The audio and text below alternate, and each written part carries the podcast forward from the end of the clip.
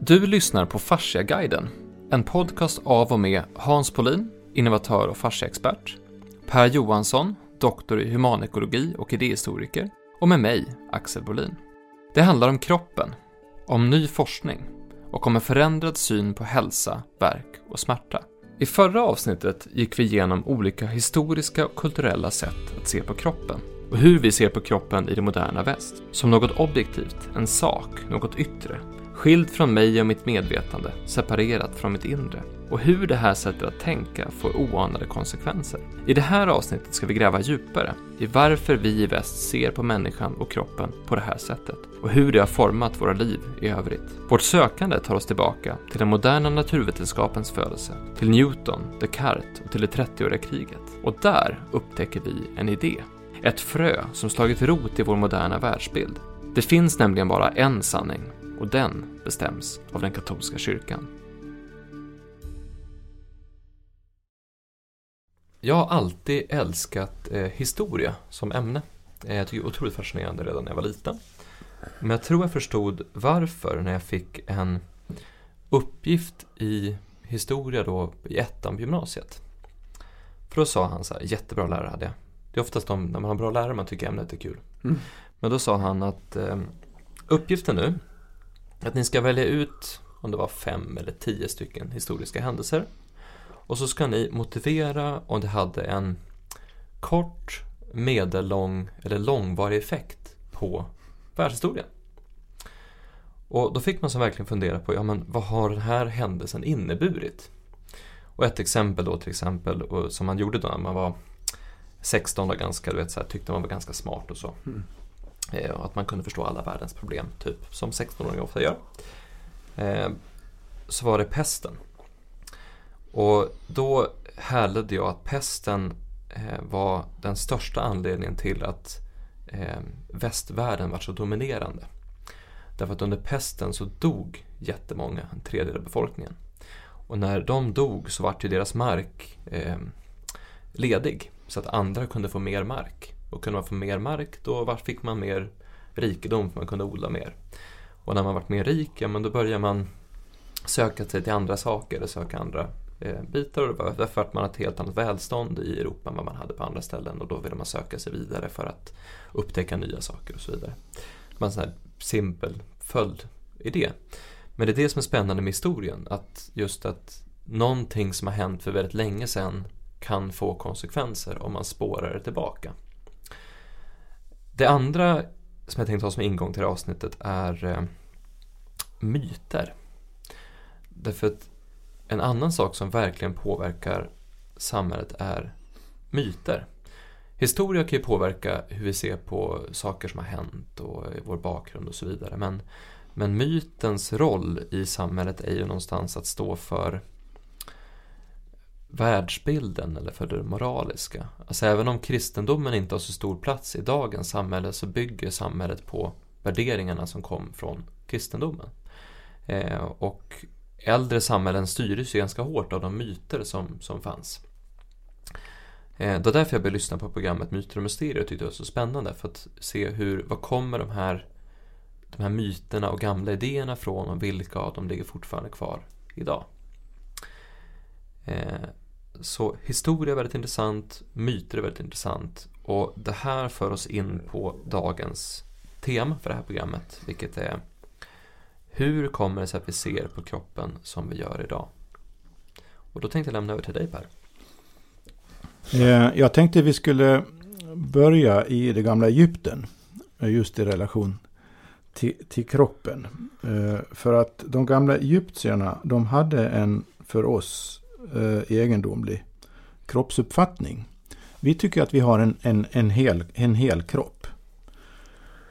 Eh, alla mina kroppsdelar är liksom min kropp. Och det, och, och det är påståendet jag gör att det är min kropp som gör det till en, en kropp, så att säga. Det, så att det, det är väldigt subjektivt, individuellt sätt att se på kroppen. Så vi, E, egyptierna tänkte helt annorlunda då. För att de...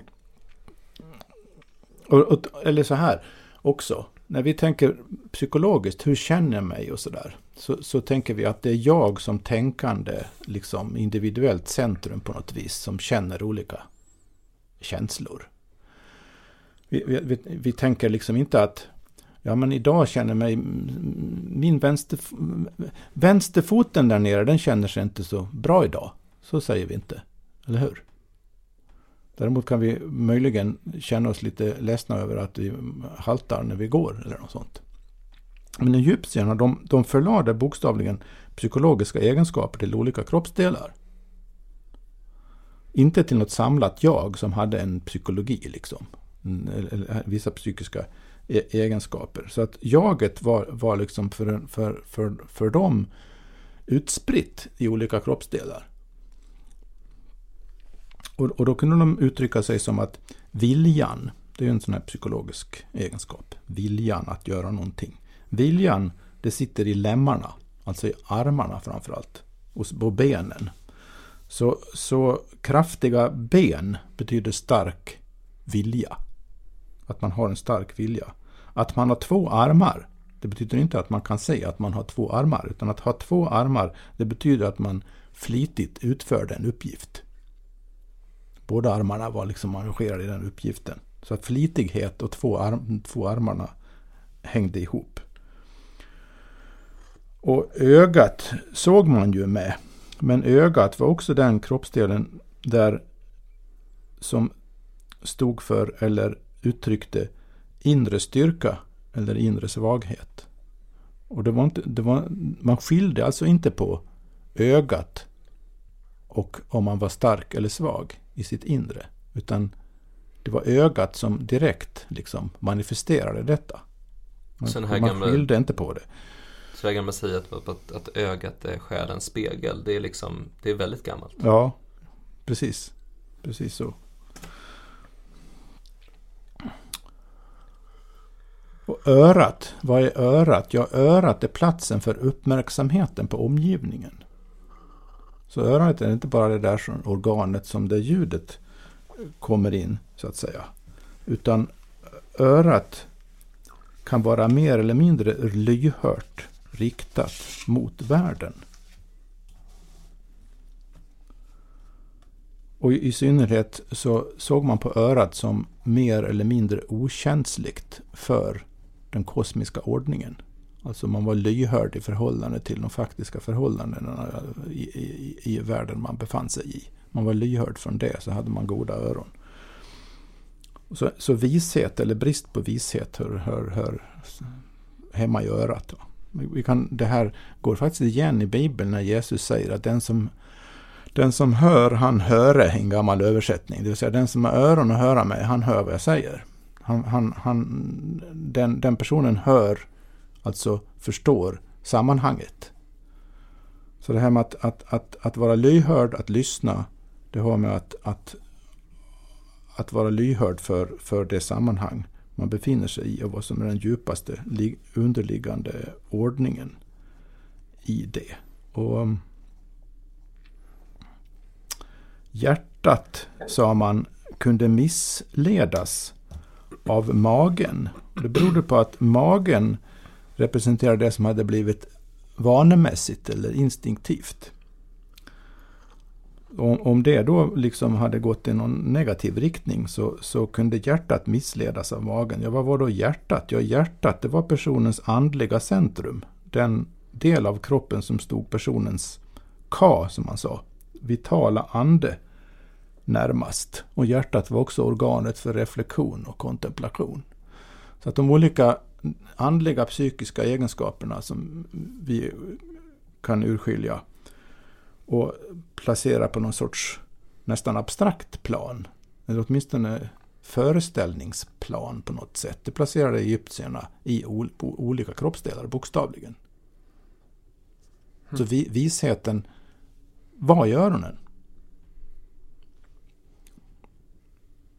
Centrum för kontemplation, reflektion livets säte, framförallt i kroppen, det var hjärtat. Och det där kan man brodera ut mycket. Det, man, man, kan också tänka på det här i relation till, slog det mig, eh, traditionell kinesisk medicin, alltså det gamla kinesiska sättet att se på kroppen. För, för där, där relaterar man också faktiskt olika känslor till olika kroppsdelar. Och olika, olika kroppsliga förnimmelser. Väldigt klart och tydligt.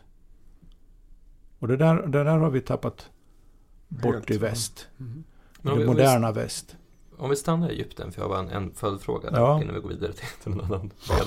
Ehm, för att vi kan ju ibland använda det här som, som metaforer. Alltså man kan ju använda, som jag sa, med, med ögat själens spegel och man kan säga att eh, man går framåt med vilja och så vidare. Men, men så som jag har förstått Egypten var att det, det här var inte det här var inte bara metaforer för dem, utan Nej. det här var så här. Ja. Kan du berätta lite mer om just deras sätt att använda Alltså hur, hur man såg på symboler eller metaforer i, i det sättet att tänka på?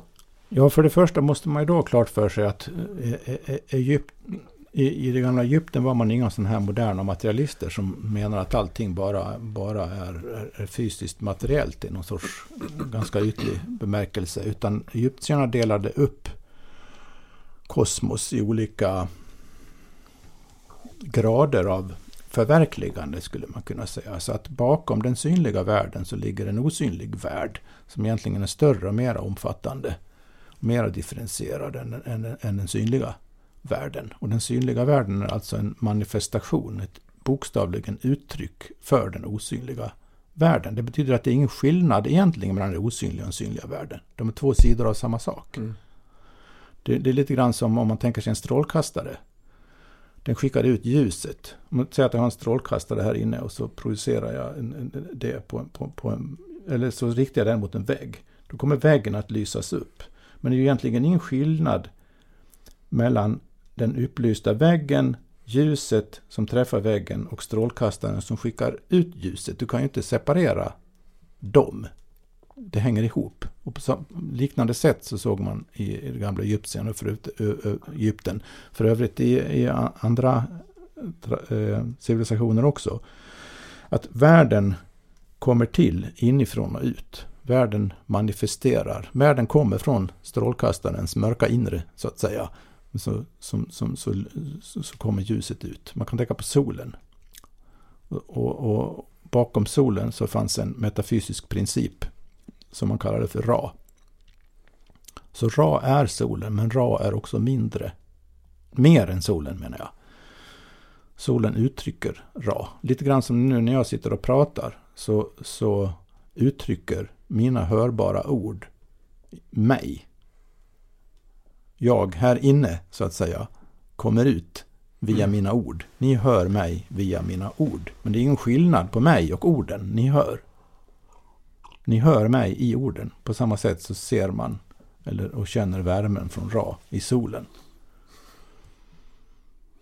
Så att solen är ingen symbol för Ra, utan solen är Ra, samtidigt som Ra är något annat och mer än, än solen som man inte kan se. Det som man ser är ett uttryck för det man inte kan se. Det är både konkret och abstrakt. Exakt. Och det är väldigt viktigt att det är konkret och, Och abstrakt. abstrakt. Exakt. För oss är det i modernt sätt att tänka är det en, en sorts mots, motsättning. Men det är det inte i det här sättet att tänka. Och det är en, en anledning till att det är lite svårt för oss att ut, omedelbart förstå hur man såg på saker och ting. För jag, tycker att om, du, om du tar, jag tycker det är ganska intressant om du tar, om, för nu var det Nobelpris i fysik och eh, det var han som hittade den här planeten. Och med bakom, bakstrålningen efter, bakomstrålningen efter, efter Big Bang. Men det man egentligen sagt för att man ska få ihop hela universum så säger man att 5% är optiskt ljus, det vill säga att det vi kan se, det är solen. Sen är det något annat som man inte vet vad det är för någonting och det är rätt mycket. Och det, det är mörk materia och mörk energi och man vet inte vad det är för någonting. Så det, är- det är ju, alltså Ja, om man säger att om det har gått så många tusen år så har vi kommit, så är vi ganska att Mm. Vi vi, börjar närma oss vi ja, det, det, är Ja, ett, det, det är ett annat sätt att det, se det det, är på. kanske men, inte alldeles tråkigt att tänka så faktiskt. En annan egenhet med det gamla Egypten då när vi är att synen på kroppen det är att apropå om man tänker hela kroppen. man tänkte aldrig i termer av hela kroppen. Det var, man hade ett, I Egypten man hade ett speciellt ord för det. Och det betydde den döda kroppen. Alltså ett lik. Det var en hel kropp. Den kunde man liksom lyfta upp. Va? Den hade tyngd, den vägde någonting. Den, kunde man, den begravde man och så, så, vidare. Men när man tänkte på den levande kroppen så tänkte man aldrig på den som en kropp på det sättet. Utan man tänkte på den just så här uppdelad i delar där olika känslor och eh, inre förnimmelser alltihopa hör samman med olika delar. Och det, det betyder alltså sambandet mellan de, hur de olika delarna förhåller sig till varandra blir ju centralt då. Inte utifrån någon enhetsföreställning utan som ett dynamiskt, hela tiden skiftande system. Och det går igen i kinesisk medicin för att där har man en helt annan uppdelning av organen. Framförallt i, moder, från, i den moderna väst så börjar det... Det finns... En av de tidiga anatomerna i väst heter Vesalius, 1500-talet. Han ritade fantastiska bilder. Och här är en bok. Muskelsystemet till exempel. Väldigt detaljerat. Och det där är så vi tänker på anatomi. Det är olika organ som är tydligt definierbara. Man kan dissekera fram dem. Där är hjärtat, där är levern och så vidare. Och sen, sen finns det lite bindväv och sånt där som, som kapslar in dem hela. Det har man inte brytt sig om så mycket som ni väl vet innan. Eh, jag ska inte gå in på det, det blir ett särskilt program om det. Eh, men det där, det där sättet att se på kroppen som har blivit det moderna, det är, ju, det är ju då att det är enskilda delar. Och det låter lite grann som det gamla Egypten på ett sätt då att det är enskilda delar. Men det, det är ändå ett helt annat tänkesätt. För att i det gamla Egypten så hängde de olika delarna ihop. Om man tar det här med... Det fanns ju ett samband mellan att kunna lyssna, det vill säga örat, och att vara... Att, att, ut, ehm, att reflektera, det vill säga hjärtat.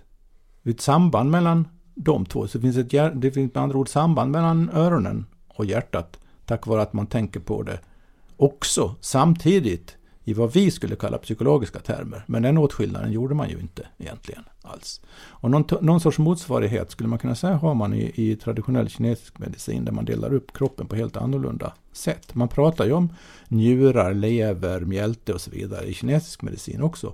Men då menar man inte bara hjärtat eller njurarna som de organ som vi identifierar och kan rita bilder av i, i västerländsk medicin. Utan man menar allting som har med njurarnas funktion att göra. Oavsett var det sitter i kroppen hör till njuren. Så hela, all, allting som på något sätt relaterar till njurarna relaterar också till en massa andra, vad vi skulle kalla enskilda organ.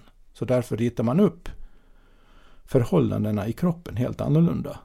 Om man har de här meridiansystemen till exempel i, som grund för akupunktur och sånt. Det illustrerar ju det här hur olika delar av kroppen ritas upp. Man bryr sig egentligen inte om organen i västerländsk mening överhuvudtaget. Utan man bryr sig om förbindelserna mellan de olika delarna. Jag tänker så att det är ju alltså en enkel metafor som jag antar att folk kan förstå. Alltså just för skillnaden. är ju att om man tar ett hjärta som ett alltså, vad säger man, runt nästan litet organ mm. som man ser på en bild. De flesta har sett en bild på ett hjärta någon gång. Då skulle alltså den kinesiska bilden av ett hjärta vara hjärtat inklusive alla eh, vener, artärer, kapillärer, alltså all, hela blodsystemet. Ja, inte bara då det rent, ja det skulle ju följa med i och för sig, men, men inte bara själva då är du fortfarande, när du tänker så, så är du fortfarande kvar i den här västerländska organ synen. För att det, det har att göra med om man närmar sig från ett helt annat, annat håll, alltså om man kommer till en, en, en, en västerländsk läkare så, så frågar man sig som regel, ja men vilket organ är det som det är fel på här då? Mm. Den ena eller andra åkomman. Om, om man kommer till en traditionell kinesisk läkare så, så blir frågan, jaha, vilka disharmonier har vi här då? Mm. Alltså hur, hur ser balansen mellan de olika systemen ut? Och de system som det är balans mellan då, det är inte organen. Utan det är ol olika, hel, olika vad ska vi kalla det, helhetsfunktioner i kroppen. Och det blir alltså, det är helt, jag kollar på det är helt annorlunda. Alltså det är jättesvårt, det är helt Det annan. går verkligen bokstavligen inte att översätta det ena till det, Det går- andra. det för blir att helt det helt alltså. annat, Det helt helt annat annat sätt att kategorisera saker och ting på. Nu ska vi inte gå in på de där skillnaderna i detalj, utan det kan räcka egentligen för våra syften här och konstatera att det, att, att, att det, det har med kategorisering att göra. Hur, hur man, vad man kallar saker och ting, vad man menar hänger ihop och varför man är intresserad av, av, av, av det. I, I västerländsk medicin så är man intresserad av att, att, att dela upp saker och ting i sina, i sina små delar och se hur det hänger ihop. Och man vill kunna identifiera det fysiskt i mikroskop och så vidare. Allting. Men kinesisk medicin, traditionell, är man, in, är man inte intresserad av, av det egentligen. Utan man är intresserad av hur man, hur man, hur man mår Ja. egentligen. Och Och, då, och då så- blir det, då blir det, då utgår man från en annan kroppsförståelse, en mera direkt erfarenhetsbaserad karaktärisering av saker och ting. Som bygger på att eh, de som har vi, visa män och kvinnor som har utvecklat det här har känt efter i sig själva. Hur, går, hur känns sambanden Mm. egentligen? Och så har man byggt upp systemet utifrån det. Jag tror en, en, en Nikolaus Frank, han var ju iväg till, eh, hans våran industridesigner var iväg till Kina nu i sommar. Och så hade han åkt på något, så han var in på sjukhus och då hade han fått precis det du var med om. Han fick den västerländska diagnosen och så fick han den, den, den kinesiska diagnosen också. Ja. Så då kan du få ett problem. Men då fick han gå, då, då ska du stärka upp vissa system. Så du får en diagnos här och så sen så stärker du upp systemet vid den andra traditionella kinesiska medicinen. Vilket är, man inte gör alls i den västerländska medicinen. Så att den, den är helt, men det, det är jättesvårt. Jag har försökt att titta på det. Det är helt annat sätt att titta. De, går inte, de är inte kompatibla alls nästan. Eller de är inte kompatibla. Det utgår ifrån helt annat sätt att se på kroppen. Det finns ju en gammal eh, eh mytisk förklaring eller, eller så som handlar om att, att eh, all kunskap är på gott och ont. Eh, för det finns ju en vi har ju valt en väg i västerländska samhället, alltså där vi delar upp saker, precis som du säger. Och den har ju faktiskt lett till väldigt mycket häftiga saker. Mm. Vi, vi har ju åstadkommit saker idag som är helt fascinerande. Så skulle en gammal egyptier komma till, till världen idag och se våra telefoner och våra, våra flygplan så skulle de säga vilken magi det här är, Ja. vad häftigt det är. Men så har vi gjort det egentligen. Vi har ju tagit idén om eh, logik och rationalitet och matematik och så vidare och så har vi tagit den här till sin spets och det har gjort att vi har Alltså hela internet är ju, det, det här är ju Alltså jag, jag kommer aldrig förstå det här men hela internet är ju ettor och nollor. Det, alltså det, är- det är ju binär kod, ettor och nollor alltihopa. Och det här blir ju jättekomplext där man tänker att jag håller en telefon i handen nu och så sen så i den så finns det bara massa ettor och nollor, det är allt den är. Fast i kombination så att det syns saker. Eh, men vi har tagit det till sin spets. Eh, det finns ju de som menar att i Egypten så tog man bara ett annat tänkande till sin spets. Man använde inte samma eh, man premierade inte det som vi premierar med vårt rationella tänkande, logiken eller, eller matematiken utan man hade andra aspekter man premierade. Eh, det jag vill komma fram till egentligen är det som jag kanske ber dig fylla ut på. Alltså varför ska man Varför ska jag bry mig om vad de gjorde i Egypten och vad de gjorde i Kina? Det är den som är någonstans eh, frågan som jag känner att vissa som lyssnar på det här kanske Mm. har. Varför är, det här, varför är det här viktigt att förstå? Eller varför är det här bra att öppna upp sig för?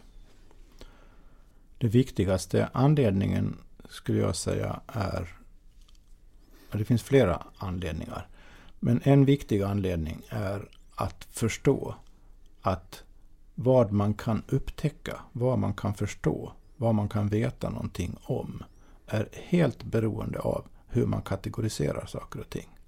Så att om man kategoriserar saker som att allting består av klart urskiljbara beståndsdelar som existerar så att säga för sig själva och kan säras från varandra och förstås enskilt, skilda från varandra.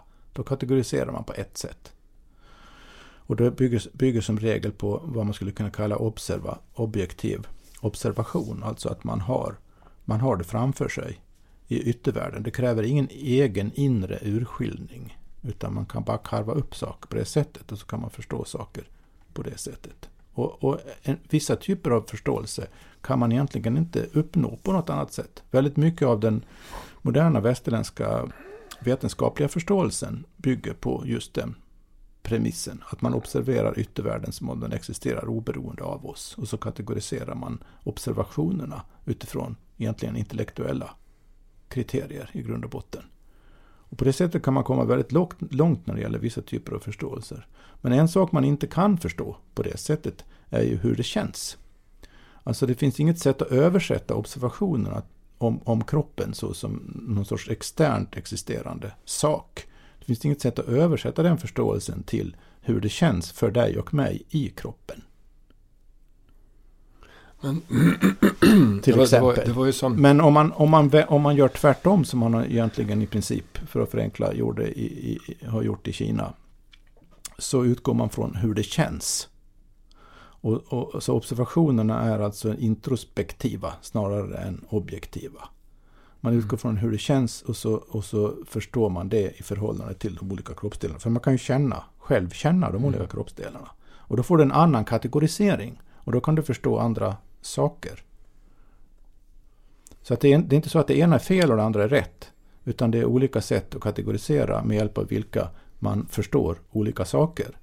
Och, och, och det betyder att in, på det kinesiska sättet kan man inte förstå vissa saker då, ju, såklart. Precis som man på det västerländska sättet inte kan förstå vissa saker. Och om, om, om, om, om man utifrån nu här i väst då kom, upptäcker att vi är väldigt dåliga på att förstå hur man kan så att säga erfara kroppen och hur det hänger ihop. Då kan man få hjälp av en sån tradition som den kinesiska som bygger på det. Och om kineserna kommer på, som de har gjort, att ja, vissa, med en annan typ av eh, anatomisk kategorisering så kan vi eh, förstå och komma åt andra saker än vi har kunnat på, på det traditionella sättet. Ja, då gör man det. Det är ju lite roligt det där att man åtminstone på, på kinesisk, en del kinesiska sjukhus, jag vet inte hur vanligt det är, men kör båda parallellt. Det var vad han sa. Alltså, han sa att det var helt fascinerande. Det, gick, det var jättehäftigt. Alltså, det var allt, alltså, hur man kom in och hur man bemött och allting. Men det var, det var två system samtidigt. Det är ganska intressant där, för jag tänkte på när du sa det. Att då bygger på system där du frågar eh, individen, personen, människan, hur det känns. Och då skulle man ju ur ett västerländskt medicinskt vetenskapligt perspektiv säga Ja men då blir det ju individuellt. Då blir det ju liksom anpassat efter dig. Då, då, då kanske det är placebo som jag jobbar. Då kanske sådär. Men, men i det systemet är ju det hela poängen. Ja. Att det är individuellt. Ja. Och då har man ju en, en idé att se på vård som att det är en person, en individ som har en hälsa som vi ska göra någonting åt. Och inte att det finns en hälsa. Nej, är, I, diagnosen, I diagnosen ingår ju då också inte bara någon sorts fysisk undersökning och intervju och så vidare. Utan också frågor om eh, en, en, ens historia, ens situation, ens livssituation, ens relationer, ens familj och så vidare ingår i diagnosen. Mm. För att just ge den där helhetsbilden. Hur, häng, hur, hänger, hur hänger den här magonda ihop med svärmor? Eller vad det nu kan vara. Mm. Och, och, man har också helt, det ska vi inte gå in på, men jag, för jag vet, jag vet egentligen ingenting om det. Det är bara sånt där man kan känna till.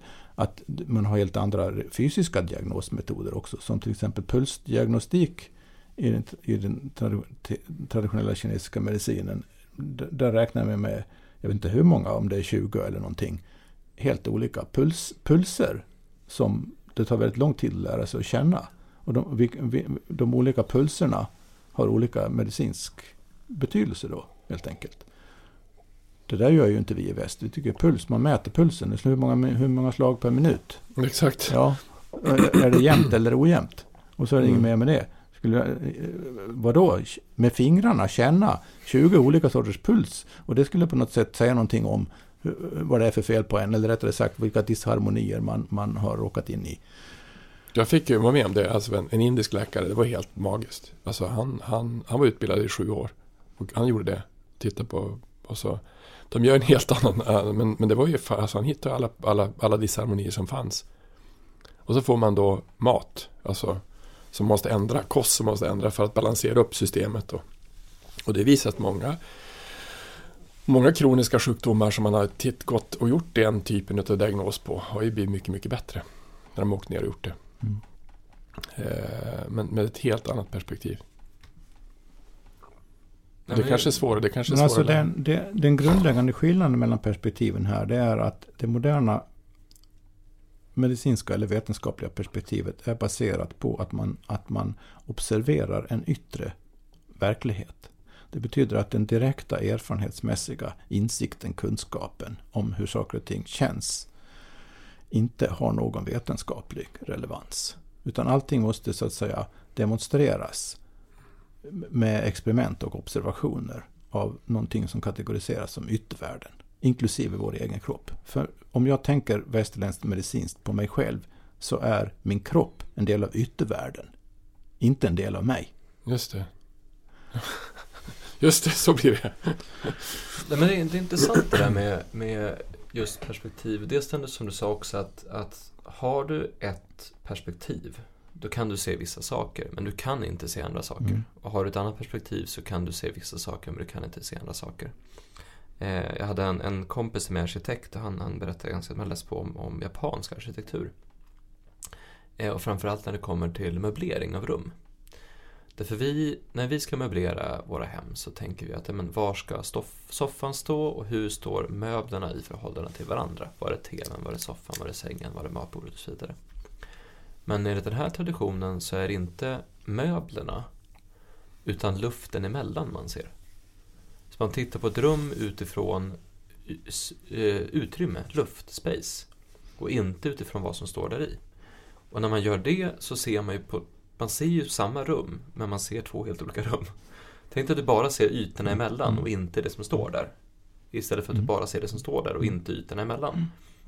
Och du kan ju inte se det ena om du ser, alltså du, du måste byta däremellan. Så egentligen måste man ju hoppa mellan perspektiv. Mm. Och Det är en bra analogi. Och då kommer egentligen två frågor. Den ena är eh, Varför är det så svårt att hoppa mellan perspektiv? Men sen den andra som jag tror är den, den problematiska i det här, vad, vad vi egentligen, vad som är kärnan i hela problematiken är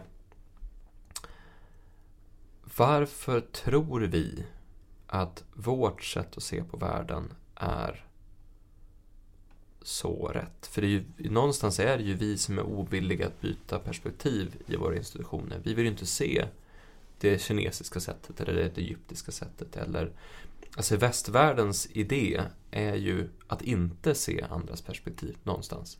För vi exporterar ju hellre vårt eget perspektiv än tar in andra traditioner. Men öst, öst, östromerska riket är också ett annat perspektiv. Ja, ja.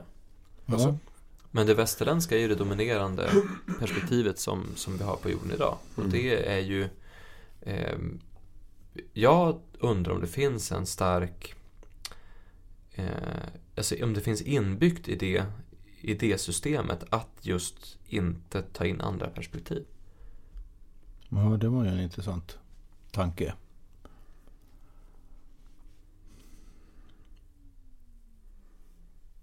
Det har jag inget spontant svar på. Det känns det som, det måste jag fundera lite på hur man skulle kunna...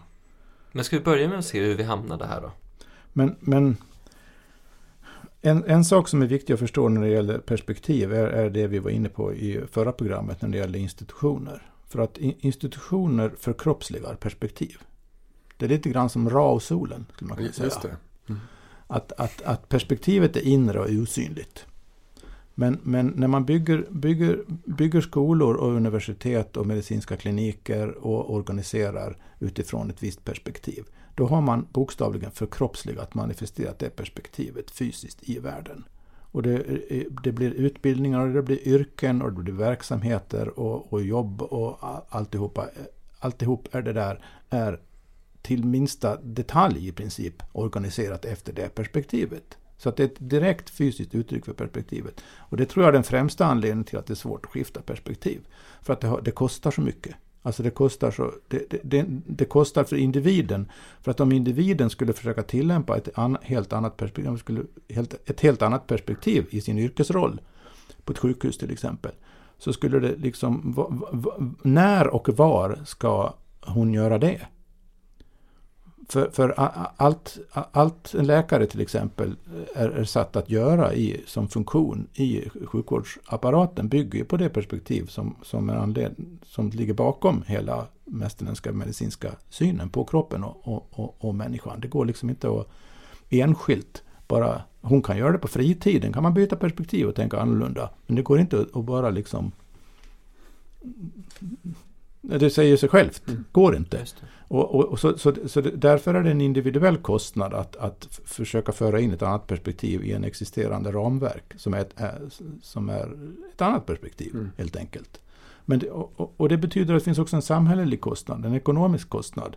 För, för, för att Tänk vad dyrt det skulle bli att plötsligt göra om hela utbildningssystemet då inom medicinen till exempel. Det är ju inte bara det att man skulle liksom använda samma lokaler och apparater och, och, och, och rutiner för ett annat perspektiv. Man skulle ha an, behöva ha helt andra byggnader, helt andra rutiner, helt andra apparater för ett annat perspektiv. Så, så, så det tror jag faktiskt är den viktigaste anledningen till att det är svårt att skifta perspektiv. Det finns ett förståeligt mot, motstånd. Men, men när ett givet perspektiv har drivits till sin spets, som man skulle kunna säga det här västerländska har gjort nu, då börjar det liksom stöta på självgenererade hinder, självgenererade konsekvenser. Det genererar själv en massa konsekvenser som så att säga det underminerar sin egen nytta mer och mer. Då, då, börjar, då kan man börja fråga efter behov, då uppstår det behov efter andra perspektiv. Men det, det, är en lång process att byta ut det. Det var en lång process att byta ut det tidigare existerande perspektivet mot det moderna. Det, tog, det gick ju inte över en natt precis. Men en som jag är lite fundersam på det är när man gjorde separationen mellan huvud och kropp som man gjorde på 1600-talet, tror jag, 1500-1600-talet. Ehm, och gjorde, dela upp kroppen i olika system. Och, eh, för det man, tittar man historiskt på det så finns det ju en sån förklaring. Men man, man raljerar också med att den, den, den, med sätt att vårda folk var så dåligt. Eh, men det fanns ju andra, det, det fanns ju olika sätt att göra det på. Det fanns ju örtmedicin och det fanns kinesisk medicin och det fanns... Så vad fick det egentligen att, att att bara gå den vägen. Alltså bara, nu går vi bara den här vägen. Vi separerar huvud och kropp och allting och så kör vi bara den här vägen. Det, det, det är för mig lite grann gåta eftersom det fanns så mycket kunskap på andra ställen. För det var ju ändå en, en ganska stor globalisering på 1500-talet också. Mm. Alltså vi hade ju kontakter med mm. Kina och Japan. Och... Det började ju då kan man säga. Men det, det funderar jag på, för det, det blir ju eh, vi har satt och tänkt på det nu, att precis som du säger, att, att det, det är en hög kostnad att göra saker. Ehm, det här, det här systemet vi är just nu, det här paradigmet vi är just nu, är ju fruktansvärt oflexibelt. Alltså för jag tänkte på det som, eh, jag lyssnade på någon, någon av era poddar och pratade om att det har kommit upp nya ehm, eh, tecken på att gamla Egypten var mycket äldre än vad man tror. Att det kanske var, istället för 5000 år sedan så var det 10 000 år sedan eller 15 000 år sedan. Och det här är eh, jätteproblematiskt för de som skriver om alla historieböcker. Men då har man ju byggt ett system där sanningen är en konstant. Där sanningen inte ska kunna förändras. Där det finns ett tydligt rätt och fel. Där det är liksom, det, det, är inte, det kan inte vara antingen eller utan det är så här. Och det är det man har byggt in i system. Så att när man väl har sagt att det är så här, då går inte det att förändra. För det tycker jag man ser ganska mycket i, i vårt sätt att tänka på, att, att det ska vara så. Att det, det måste vara, det, det, finns liksom, det finns bara ett sätt att göra saker på. Um, jag, jag, tror att jag skulle vilja styra in det här samtalet nu på, på tillbaka till eh, eh Jag tror vi ska börja på det 30-åriga kriget. Ja, jag förstår vad du tänker på. Eller får jag hoppa, hoppa, jag ska hoppa lite längre tillbaka. För mm. jag läser faktiskt en bok just nu. Mm. Som utspelar sig precis innan 30-åriga kriget. När protestantismen började eh, riva upp sår i Europa. Därför man hade ju den katolska kyrkan och den var ju, den var ju världsdominerande. Men sen bestämde sig ju eh, Luther och Calvin och massa andra människor att de skulle eh, översätta Bibeln till det lokala språket, man fick tolka den på andra sätt. Och det här vart ju eh, problematiskt, så det här vart ju jättejobbigt. Så att eh, de kallades ju för, försättare och de eh, Spanska inkvisitionen den gick ju och eh, alltså, häktade folk till höger och vänster, tog allt de ägde, satte dem i fängelse, vissa mördades. Samma processer fanns i England, samma processer fanns i Frankrike. Att en, en adelsfamilj, som den är baserad på eh, historiska fakta, en adelsfamilj eh, anlitade en kille då för att spionera på alla protestanter i Paris och så gjorde man en lista på dem och så sen så planerade man ett angrepp och då tog man fast allihopa. Eh, brände en tredjedel när andra fick göra avbön och så vidare. Och det här var alltså för att de ville tolka Bibeln själva. Men då sa man att nej, det finns bara ett sätt att tolka Bibeln på och det är katolska kyrkan som bestämmer hur det ska vara. Mm. Därför att folk, eh, om folk kommer och ska ha egna uppfattningar om det här så kommer det bli eh, rörigt och problematiskt och oroligt och, och krigiskt och det kommer bli, det kommer bli problem. Och någonstans är det ju det som leder fram till 30-åriga kriget sen som är mellan katoliker och protestanter. Ehm. För utan 30-åriga kriget så hade vi inte haft eh, en så stor samling kring den vetenskapsrevolution som kom då i, efter det. Sambanden här är ju väldigt intressanta och nu när du tar upp det här med katolska kyrkans auktoritet och så skulle man... Det skulle vara att överdriva på ett sätt, men inte på vissa andra sätt. Att det är det här att det är så svårt att, att skifta perspektiv, att det bara finns en sanning, att det bara kan vara på ett sätt. Man skulle faktiskt kunna konstruera ett argument, slår det mig nu, för att det är katolska kyrkans fel. det brukar vara där vi landar. Och det är ingen skämt. För att katolska kyrkan är ju en extremt hierarkiskt centralt styrd institution. Även om det i modern tid har börjat låtsas att den är någonting annat. Sen, sen det så kallade andra Vatikankonciliet, början på 60-talet, 1960-talet. Men under större delen av sin historia så var det, ville det vara, det lyckades inte alltid, men viljan fanns där alltid och genomdrevs som du nämnt kort Eh, ofta våldsamt också. Det fanns en, en, en auktoritet, det var Gud och eh, det fanns en uppenbarelse och det var i Jesus Kristus och i de heliga skrifterna. Men det fanns bara en som kunde tolka det här rätt och det var, det var den katolska kyrkan. Det fanns ingen annan som kunde tolka det rätt. Det är därför man skiljer mellan rättroende och, och, och heretiker eller kättare.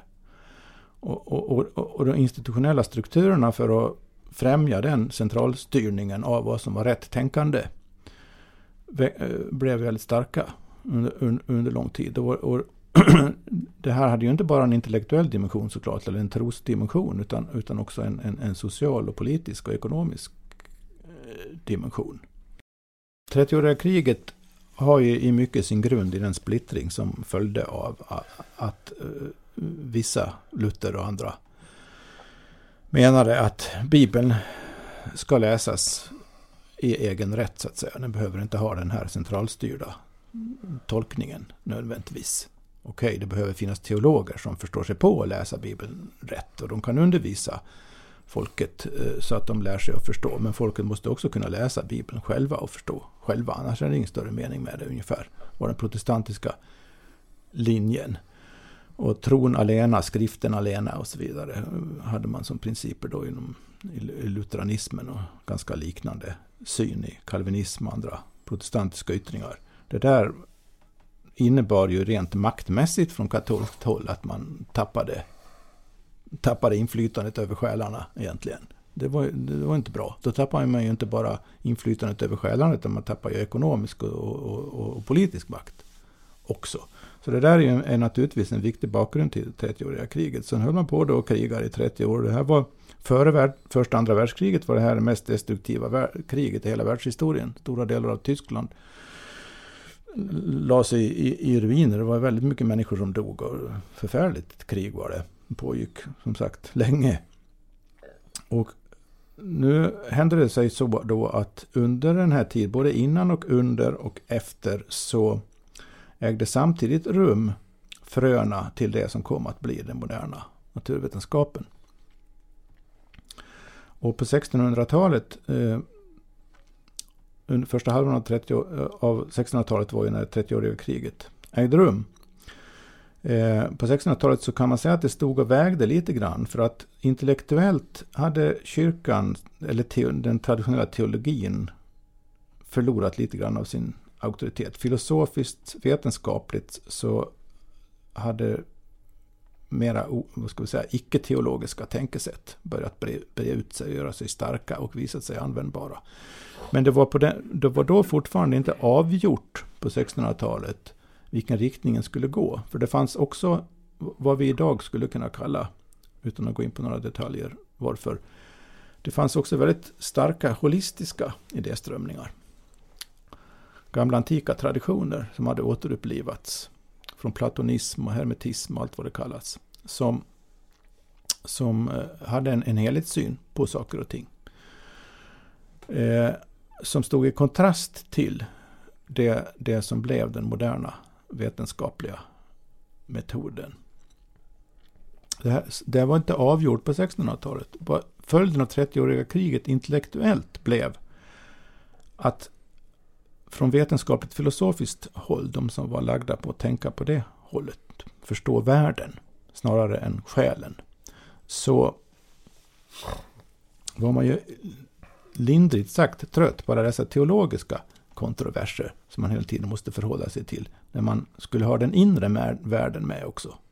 Så man koncentrerar sig på den yttre världen bara. Det som gick att väga och mäta. Och de definierade yttervärlden som föremålet för det vetenskapliga studiet. Och inte den inre världen. Utan den inre världen fick kyrkan ta hand om. Där kunde, där, där kunde man fortsätta att bråka om själarna. Men vi, veten, vi, vi är naturfilosofer som vill ägna oss åt att förstå den yttre världen. Vi vill gärna slippa all det teologiska bråkandet. Vi, vi, kan ha olika uppfattningar. Vi kan vara protestanter eller katoliker eller judar eller allt möjligt. Men, men, men vi är intresserade av att förstå världen. Själen får någon annan ta hand om. Och då kom den här nya vetenskapliga metoden, som jag ska säga något kort om, å ena sidan, och den här uppdelningen i yttre och inre, och bli, man skulle kunna säga filosofipolitiskt eller vetenskapspolitiskt extremt användbar i, i, i den rådande miljön. Så just det, det här var inte någonting man egentligen ville göra? Eller? Det var ingen nödvändig konsekvens, utan det visade sig vara den framkomliga vägen för att fortsätta studera naturen utan att behöva bry sig om en massa teologiska stridigheter. Det var den mest framkomliga vägen. Det var att, att lämna över själen åt teologerna och ta hand om na naturen.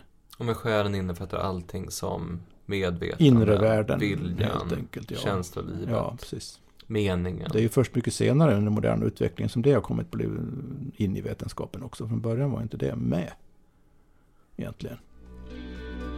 Vi är sponsrade av Fasciaklinikerna de senaste årens forskning visar problem som till exempel ryggverk beror på inflammation i fascian och när de spindelnäsliknande kollagentrådarna klibbar ihop så hamnar nervändare i kläm och signalerar smärta. På fasciaklinikerna finns både hjälp för stunden med smärtlindrande fasciabehandling och specialistutbildade fasciaterapeuter som hjälpt tusentals människor få bukt med grundorsaken till deras besvär. Boka ett besök hos någon av Sveriges alla fasciakliniker idag på fasciaklinikerna.se. Det rationella tänkandet kommer också bli väldigt betydelsefullt här då. För om man, om man studerar yttervärlden i sig, skild från den inre världen, så kan man observera den då. Så observationer, experiment blir väldigt viktigt. Och det rationella tänkandet fanns redan. Betoning av logik, rationell slutledning. Det hade man utvecklat teologiskt, i teologiska syften. Men nu kunde, kunde man använda det här i vetenskapliga syften också. Och då den vetenskapliga metoden som utvecklades av Galilei, René Descartes, den, den var väldigt smart. Fruktansvärt smart. Och den, den används, det är fortfarande grunden för det vi kallar modern vetenskap, är den här. Och man skulle kunna säga att Den går till så här. att steg ett, det är att man delar upp komplexa frågor i enkla frågor. Så man har en, har en komplex fråga. Hur fungerar kroppen? Så är det en för stor fråga för att liksom ta tag i. På det här sättet så delar man upp den istället. Ja, vilka olika kroppsdelar har vi? Ja, men då studerar vi dem för sig själv. Vi studerar hjärtat för sig, vi studerar njurarna för sig, vi studerar huvudet för sig och så vidare. Och, och, och, och, och ju mer i detalj man kan studera, studera saker för sig, desto bet, bättre. Så man reducerar problemet med att förstå helheten till en massa olika delproblem.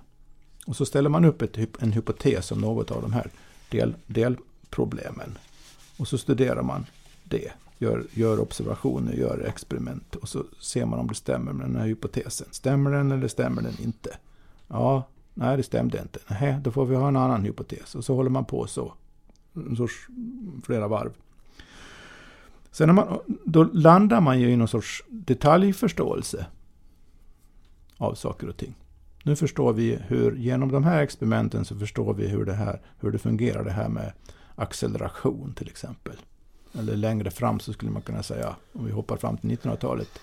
Nu förstår vi hur cellmekanismerna fungerar på ett eh, biokemiskt plan med olika proteiner och DNA och RNA och alltihopa. Nu, nu förstår vi det. Och då har man alltså detaljerade svar på en massa delproblem. Ja, men det är helheten vi vill förstå. Det är fortfarande den man vill förstå egentligen. Men grejen är hur man vill förstå den då. Då ska man sätta ihop alla de här delresultaten. Man ska alltså härleda helheten från delarna i princip. Och det är det som är, man brukar kalla det reduktionistiska tänkandet, eller den reduktionistiska metoden. Och det är den som ligger bakom alla naturvetenskapliga, tekniska, i den mån teknik grundar sig på vetenskap, framgångar vi har sett. Till priset av att man har tappat bort egentligen den faktiskt verkliga helheten. Och man har tappat bort förhållandet mellan inre och yttre och så vidare. Allting behandlas som om det var yttre. Så när vi försöker förstå oss själva nu för tiden så, så känner vi inte efter i första hand. Utan vi frågar någon som har studerat någonting. Ja men hur är det där med, med, med hjärnan och serotonin och oxytocin och alltihopa. Hur är det med det där egentligen? Och så försöker man förstå sig själv via en sorts omväg, teoretisk omväg egentligen. Snarare än att lära sig att förstå sig själv mera direkt. För det har vi ingen metod för. Passar inte in i det här Jag har en kompis han, han, han säger att, att egentligen det du menar då är att vi har egentligen en vetenskaplig syn som är flera hundra år gammal. Ja, det har vi. Det, vi har ett, det är lite svårt att... Åtminstone rent mycket metodiskt och institutionellt sett så är det väldigt mycket så här fortfarande. Men han säger att det finns, det, jag, jag är lite fundersam över, det är en annan, en annan sak men som är ganska intressant i ett fenomen. En kompis med han har jobbat lite grann i USA. Han säger att det fascinerande med USA det är att det är ett hypermodernt land med 200 år gamla värderingar. Ja. Alltså det, är, alltså, och det, kan man, det är lite svårt att förstå men mm. de, menar, de har mycket in God we trust och de gör saker och ting och det är supergammalt. Alltså det, alltså det, det är ungefär som du tar någon som... Hur de ser på sex? Och, alltså det är jätte, mm. jätte, helt fascinerande. Men han säger att när man har en sån, en sån värdegrund som poff slår ner. Då, det är den de har mm. och det är inte så länge. Nej. Och då skulle ju egentligen, det skulle ju metaforen bli samma sak. Här har vi en, en hypermodern vetenskap som kan göra en massa saker fast den bygger egentligen på ett, ett synsätt som är flera hundra år gammalt. Är det, är det ungefär samma sak? Ja, det är något liknande eh, kan man väl säga. Men jag tänkte på det här sambandet mellan katolska kyrkan och modern vetenskap och det här att man att det bara finns en sanning. En sanning. Det är intressant för att där har det liksom häng, hängt med. För att auktoritetstron har inte försvunnit. Så att om, i väst har man varit van att haft den extrema auktoritetstron i religiösa frågor då. Den har man tagit med sig in i förhållande till vetenskapen också. Så om det nu är då den här nya auktoriteten, naturvetenskapen, som står för kunskapen av världen. Och så har vi den här gamla auktoriteten, kyrkan, som står för kunskapen om själen ända fram till till och med 1800-talet nästan så, så, så, så funkar det ju så. Liksom. Kyrkan tog, tog hand om själen och, och vetenskapen tog hand om, om, om, om världen. Och de kunde väl hålla, hålla sams någorlunda. Det intressanta är att människors mentalitet, inställning till vad som är auktoritet, har, det är precis som om den religiösa auktoritetstron flyttas över även till vetenskapen. Mm. Så, så de här natur, vetenskapsmännen blir liksom, när det gäller världen, förståelsen av världen, de nya prästerliga auktoriteterna som man På, vänder sig till. Vad säger vetenskapen? Det kan man ju fortfarande höra idag för 17. Ja, Vad säger vetenskapen om detta? Och, om, om, och vetenskapen med stort V då, liksom i vit rock eller någonting. Och, och om, om, om inte vetenskapen kan säga någonting om, om, om, om det, så är det som om det inte riktigt finns, eller inte riktigt giltigt. nej. Men det, är, det är intressant med hur man, om man tittar på en morgonsoffa eller någonting så, så den som tas dit för att kommentera på det som är en nyhet eller någonting sånt. Eh, det är ju en professor som sitter där med sin auktoritet. Mm. Eller en läkare eller någon, någon expert sakkunnig. Men den personen behöver inte alls egentligen ha läst på vad, det, vad ämnet handlar om. Utan förväntas från sin, eh, från sin titel kunna ge en kommentar kring det man pratar om. Någon journalist borde göra en inventering av allt som olika populärt anlitade hjärnforskare har yttrat, sig om. Göra en lista över allt de har yttrat sig om. Och så skulle man fråga sig hur mycket av det här har med deras i realiteten kompetenta deldisciplin inom hjärnforskningen att göra. Inlärning till exempel, det är ju ganska... Inte mycket skulle jag säga. Nej. Nej, men precis, jag, ska, jag ska inte hänga ut någon här i det här, men det finns ju, jag har ju hört flera gånger när folk har suttit och ut, alltså läkare eller forskare eller experter har suttit och uttalat sig eh, i morgonsoffer och sagt direkta alltså felaktigheter. Det finns liksom tusentals forskningsrapporter som säger en sak, men de sitter och säger en annan. Mm. Och det hur man kan göra det är intressant. Men jag tror att jag, jag trodde vi skulle prata om den här resan från från Newton till Descartes till, eh, till Linné och till det här att man skulle kunna, alltså en idé föder en annan idé och det har gjort att vi har fått sådär. Men, men det är intressant att det faktiskt kommer, det har egentligen att göra med auktoritet och vad vi, vad vi tycker om auktoritet. Ja, det skulle jag faktiskt säga att det gör. Det är Det, är mera det handlar om. grundläggande än i... Än, ja. Men, men alltså, jag, jag, alltså, vi pratade om, om, om, om, om Kina och, och andra, andra, andra typer av kulturer.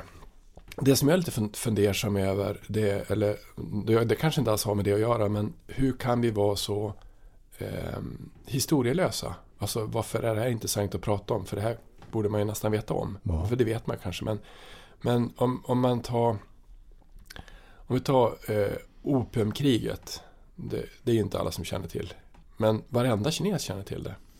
Hur kan det komma sig att de har mycket mer bakgrundshistoria än vad vi har? Alltså varför är det så viktigt? Alltså, de är ju inte glada på det. Alltså, de har ju, och, och, jag hade ju möjlighet, jag var med i ett bolag som höll på med eh, Kina ett tag och de har ju Kineser har en enorm eh, tradition av historik som de kan. Alltså alla kan det. Och, men de tycker inte speciellt bra om västerlänningar. Och de tycker inte speciellt bra om japaner. Det är alltså de, de är, de, man kan säga att de tycker inte alls om oss. För de tycker att vi är lägre stående varelser. Är det, är det, är det, ja men egentligen, alltså, lite var det så när vi tittar på det. Men de, de, eh, de, de alltså det var, jag tittade på, det var på 90-talet, det gick ut det var ju så många ingenjörer som var intressanta, sant. Alltså det gick ut hur många ingenjörer som helst med hur, alltså vad- hur, du vet deras universitet, de spottar bara ut folk alltså. Eh, men de hade ju ett annat synsätt också. Det var inte lätt att göra saker designmässigt som var snygga där. Det, var, det, vart, det vart annorlunda. Men, men varför har de så stark, varför har de så, så mer historia än vi har? Varför är vi så historielösa? Har det också med det här att göra? Inte nödvändigtvis, för det finns ju en ingrediens vi inte har nämnt här i den västerländska utvecklingen som har att göra med, med ja, med upplysningen. Alltså det som kallas för upplysningen på 1700-talet, franska revolutionen och så vidare. När man när ekonomiska utvecklingen hade lett till ett en mak maktskifte från aristokrati till köpmän och borgerlighet, som man säger. Så föll i och med det gradvis den, den gamla ideologin som var väldigt statiskt och egentligen och historiskt förankrad och från vilken den här auktoritetstron också kom som liksom har levt kvar då på sätt och vis omedvetet så att säga fast förutsättningarna för den egentligen har försvunnit. Men i, i den här gamla politisk, teologisk, eh, ekonomiska helhetsideologin som präglar det aristokratiska aristokratiskt organiserade samhället, när den föll så att säga, i och med franska revolutionen, i och med upplysningen, så kom det en, en, en ny tanke som in istället. Samhället behövde liksom hållas ihop. Utvecklingen, som man kom att kalla det, behövde hållas ihop av, av en annan sorts ideologi som, som stämde överens med den här snabba vetenskapliga, tekniska, ekonomiska expansionen. Och, och det, där, där börjar alltså det man som brukar kallas för framstegstron. Alltså tron på framsteget. Ja, det finns just Framtiden. Framtiden det alltså så att allt, allt väsentligt är det som inte har hänt än. Okej. Okay. Och det, det, är inte så konstigt egentligen, för man tänker på... Det nya har större värde än det gamla. Ja. Och i och med det blir historien mindre intressant och relevant. För sen är det också så att om du tänker att du är kung, eller aristokrat, eller katolska kyrkan till exempel. Så ett sätt att legitimera din maktposition är ju att berätta historien om varför makten är rättligen din. Alltså man har använt historien för att rättfärdiga att ja. man ska ha makt, att man ja. är mer värd än andra. Eller att man, mm. alltså det är ju, kungen var ju utvald av Gud. Det var ju så. Mm. Och Gud utvalde kungar därför att man, då hänvisar man till någon del där det handlade om och så vidare. Så att det var ju en, man såg ju på dem som utvalda av, eh, av, av historien och av, av eh, den här makten som ska finnas. Men om jag är eh, om jag har arbetat mig upp från att vara eh, son till en takläggare och sen så blir jag köpman, vilket man faktiskt kunde göra på ett annat sätt, då är inte min historia någonting jag vill skylta med. Då är det någonting jag snarare kanske vill, vill att folk inte ska tänka på. Mm. Apropå det är intressant, för det, då blir ju egentligen det, så att, alltså det som vi sa från början, att, att man erfarenhet, att forskning måste bygga, det måste bygga på erfarenhet, alltså man måste ta med saker, saker och ting. Alltså det mm. du har upplevt. Då egentligen, då ser du, då, då är framtids, eh, fram, vad kallar du för framtids... Fram, ja, framstegstron. Framstegstron, då är den, då är den, tar den ju bort erfarenhet egentligen då, alltså det du upplever. Och då, då finns den kvar i andra kulturer, för att de har ju Alltså jag satt och hörde på alltså, Kina de har en version för 2045. Jag tror att det skulle vara svårt att göra en version för 2045 i Sverige. Ja. För, jag vet inte ens någon som som har tänkt på det. Men, men de, har, de har en sån strategi. Och då måste man undra, och de är också ett, ett totalitärt eller väldigt auktoritärt system. Men, men som... Men därför att där, där är det också så att den kinesiska berättelsen berättar om hur eh, kommunistpartiets makt är rättfärdigad genom historien. Så det är därför man, alltså, ju mer eh, du vill ju använda historien för att rättfärdiga eh, du påminner ju hela tiden folk om varför det är så bra att, att Ja, fast de, de, de, de, har, de har annan historia också. De kan, de kan mer historia än vi kan. De vet sam, de vet, det är det som är, alltså borkriget inte alls som känner, eller opiumkriget inte alls som känner till överhuvudtaget. Mm. Alltså vad det har för betydelse, men det har de. Och det, det kanske är det där som, det kanske är det som är, och då blir det ju svårt att, att då, går, då är det också någonting som ligger som är svårt att, att, att berätta om det som händer i kroppen. Man kan säga att framstegstron är specifikt västerländsk och har ingen, har ingen nödvändig koppling till teknisk och vetenskaplig utveckling egentligen. Det kan man, ju, man kan ju se det i Japan som har anammat den teknisk-vetenskapliga delen mm. av det moderna. Men man har ju egentligen inte på något djupare plan förändrat sin egen traditionella Nej. kultur. Okej, okay, den har påverkats och omformats och, och, och vad ska vi säga, på sätt och vis i vissa avseenden kan hota att undermineras av allt det här moderna och nya på ett sätt. Men, men är det någonting som är slående när det gäller både Japan och Kina är ju hur mycket av det traditionella som fortfarande nu trasas det sönder ganska mycket i Kina på grund av den extrema inflyttningen till städerna. Mm. Så där är en annorlunda situation. Men, men i väst, den här specifikt västerländska framstegsteorin, den är ju att man förlägger allt av värde till framtiden. Och det betyder att man kan vinna ekonomisk politiska poäng på att stå för det, det här bra som inte har hänt än. då blir, men då blir också nuet mindre intressant. Nuet blir mindre intressant, historien blir mindre intressant. Det är hela tiden liksom man, man, man, tappar, man tappar lite grann verklighetskontakten på ett sätt ju. Men det intressanta som händer i väst nu är att det här har ju drivit hel, fram hela den västerländska framgångssagan, om man nu kallar det för det. Eh, om man antar någon sorts positivt västerländskt perspektiv så skulle man kunna säga att det är en framgångssaga trots att det bygger på våld och förtryck och kolonisering och alltihopa. Mm. Men, men eh, det har drivit, den, den, mot, den andliga motorn i det har varit framstegstron. Men nu när vi, när vi upplever så många av de negativa konsekvenserna av den här moderna utvecklingen så är framtiden inte vad den har varit längre. Då fallerar framstegstron. Det, så det blir därför vi har det här ideologiska vakuumet i väst nu ju. Som man faktiskt inte har i Kina till exempel. Fast det är så modernt. Modernare än vi i vissa avseenden.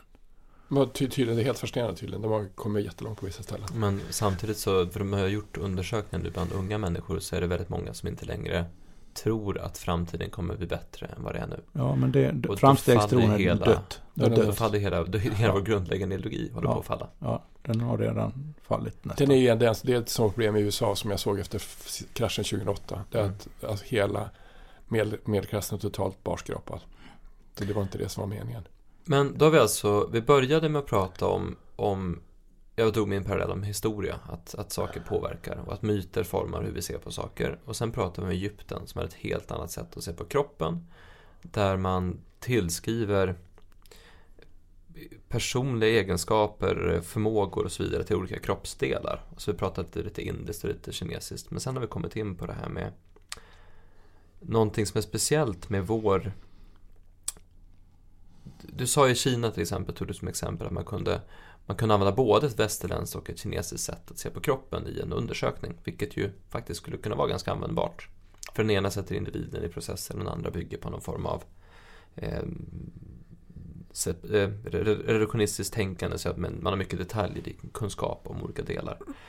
Men att utmaningen med västerländska systemet är att vi har en vi tror att det finns en sanning, vi tror att det finns rätt eller fel, vi tror att det finns sant eller falskt och det gör att det blir ett väldigt oflexibelt system.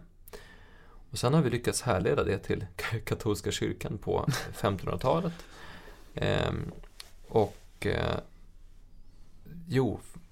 Tro på auktoriteter. Tro på auktoriteter och en vetenskaplig metod som bara fick lov att födas om den fokuserade på det yttre och inte det inre. Mm. Så om vi lämnar det inre till kyrkan, då kan vi få hålla på med det vi tycker om. Så vi, vi tar bort det inre. Sen i framtiden så kanske vi kan få stoppa tillbaka det igen, men just nu får vi jobba på det yttre. Och då blir frågan, har man stoppat tillbaka det inre in i det vetenskapliga tänkandet? Inte överhuvudtaget i praktiken på de flesta håll. Däremot finns det ju en hel del forskning som, som, som, som visar att det, det är ohållbart. ohållbart. Men för att det, det har inte bara med... det går mycket djupare än att man skulle tänka på ett annat sätt. Så man, skulle, man kan ju tänka sig att man, man lika väl som man tänker i termer av att skilja på det inre och det yttre, så skulle man kunna, kunna tänka på att inte skilja på det. Mm. Teoretiskt. Och det är, många, det är många som har börjat göra det. Det finns många vetenskapliga discipliner som är inne på det spåret. Ekologi och kosmologi och allt möjligt. Som tänker i helheter. Men det har inte, det, det har inte förändrat synen på vår egen relation till vår egen kropp och vår egen erfarenhet. Det är fortfarande teoretiskt Så att det, det måste liksom gå, gå mycket djupare. Den här omvandlingen måste gå mycket djupare än att bara byta ut reduktionistiskt tänkande mot helhetstänkande.